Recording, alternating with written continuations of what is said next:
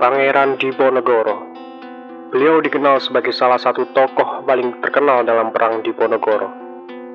Perang tersebut merupakan salah satu perang paling besar dan paling lama yang terjadi di tanah Jawa. Pria kelahiran Yogyakarta 11 November 1785 ini memimpin perlawanan melawan pemerintah kolonial Belanda. Berawal dari usaha Belanda yang membangun jalan melintasi makam leluhur Pangeran Diponegoro, membuat Pangeran Diponegoro tersinggung dan marah. Pangeran Diponegoro yang merupakan putra dari Sultan Hamengkubuwono III mengangkat senjata melawan pemerintah kolonial Belanda dan mengobarkan perang Diponegoro.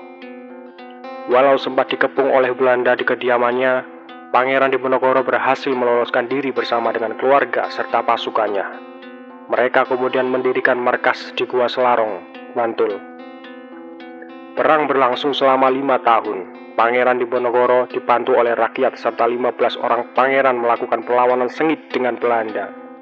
Berbagai cara dilakukan oleh Belanda untuk menangkap Pangeran Diponegoro, mulai dari mengerahkan ribuan pasukan untuk menangkap Pangeran Diponegoro hingga melakukan sayembara menawarkan hadiah bagi siapa saja yang berhasil menangkap Pangeran Diponegoro. Namun cara yang dilakukan oleh Belanda selalu gagal. Akhirnya Belanda kemudian mengajak Pangeran Diponegoro untuk mengadakan perundingan di Magelang. Perundingan kemudian dilakukan. Belanda mendesak agar Pangeran Diponegoro menghentikan perlawanan. Namun Pangeran Diponegoro menolak. Penolakan ini membuat Belanda kemudian mengepung dan menangkap Pangeran Diponegoro. Setelah ditangkap, Pangeran Diponegoro dibawa ke Semarang, kemudian dibawa ke Batavia. Pangeran Diponegoro beserta keluarganya kemudian diasingkan ke Manado.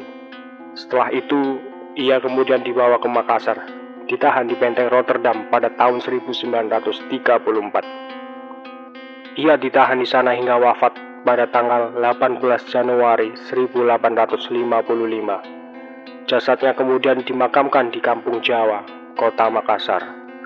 Perjuangannya kemudian dilanjutkan oleh anak-anaknya Atas jasa-jasanya, pemerintah Indonesia kemudian menganugerahkan gelar pahlawan nasional kepada Pangeran Diponegoro.